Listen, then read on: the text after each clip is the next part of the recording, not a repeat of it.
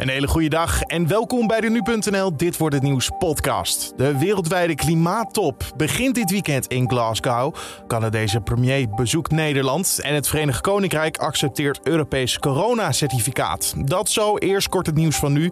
Mijn naam is Carne van der Brink en het is vandaag vrijdag 29 oktober. Volgens Ambulancezorg Nederland wordt geweld tegen medewerkers te groot gemaakt in de media. Volgens hen is een groot deel van de medewerkers nog nooit in zo'n situatie terechtgekomen. Dat zeggen ze tegen nu.nl. Elk incident is er één te veel, alleen vinden ze dat de focus moet liggen op de mooie kant van hun werk. Toch worden er stappen gezet om geweld eh, tegen te gaan. Zo besloot de gemeente Rotterdam tot een proef met bodycams nadat ambulancepersoneel in de stad mishandeld was. En het tekort aan ijsmeesters dreigt. Volgens schaatsbond KNSB hebben natuurijsverenigingen te maken met een tekort aan natuurijsmeesters. Zij moeten het ijs veilig houden voor publiek en zijn dus heel belangrijk. Daarom begint de schaatsbond een wervingscampagne. En de schaatsbond legt uit wat je moet doen om een natuurijsmeester te worden. Het is één opleidingsavond waarin je alles leert over het ijsmeesterschap. En daarna uh, sluit je je aan bij een natuurijsvereniging waarin je alles leert ja, in de praktijk. De cursusavonden beginnen in december en ze hebben vooral behoefte aan mensen die weten hoe je van een weiland of skierbaan een mooie ijsbaan maakt.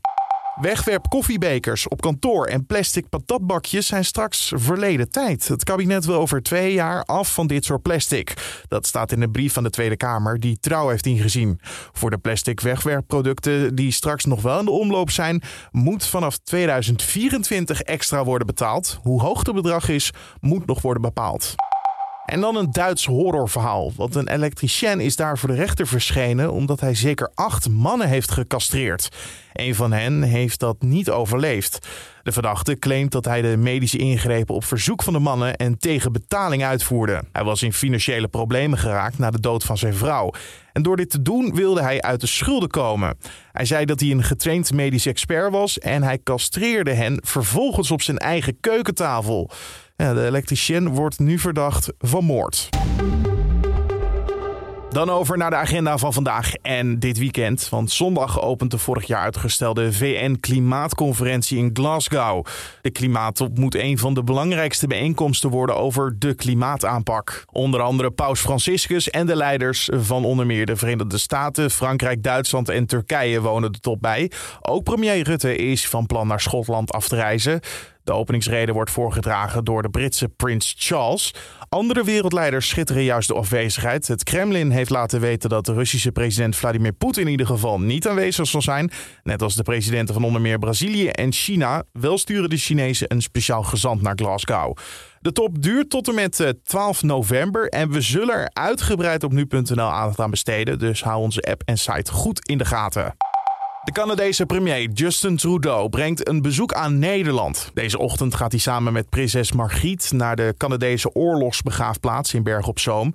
Daarna gaat Trudeau door naar het Binnenhof voor een gesprek met Rutte in het torentje. Ze zullen daar praten over de relatie tussen Nederland en Canada, handel, klimaat en samenwerking op gebied van veiligheid. En na het bijpraten zullen de twee ook nog in gesprek gaan met studenten in Den Haag. En vanaf vandaag erkent het Verenigd Koninkrijk ook voortaan officieel het Europees coronacertificaat. Nederlanders en andere EU-burgers kunnen daardoor eenvoudiger op bezoek in het VK. De EU accepteert op haar beurt het Britse coronabewijs. Behalve het Verenigd Koninkrijk sluit ook Armenië zich aan. Dat brengt het aantal landen waar de QR werkt nu op 45. Dan het weer van Weerplaza. En vandaag zit voor je klaar Laura Osinga. Vooral in de ochtend zijn er nog flinke zonnige perioden, maar in de loop van de dag trekken er steeds meer wolkenvelden voor de zon langs. In de namiddag bereikt een storing met regen als eerste het zuidwesten en in de avond gaat het dan op steeds meer plaatsen regenen. Voor de regen uit is het nog een zachte najaarsdag met temperaturen tussen 16 graden in het noorden en 18 graden in het zuiden en oosten van het land. Daarbij staat er wel een stevige zuidenwind. Dankjewel Laura Ozinga van Weerplaza. En om af te sluiten nog even dit. De Amsterdamse bioscoop Tuschinski mag zich voortaan koninklijk noemen. De bioscoop eh, vierde zijn honderdste verjaardag en daarom heeft koning Willem-Alexander de bioscoop een speciale koninklijke status gegeven. Voortaan heet de bioscoop dus Koninklijk Theater Tuschinski.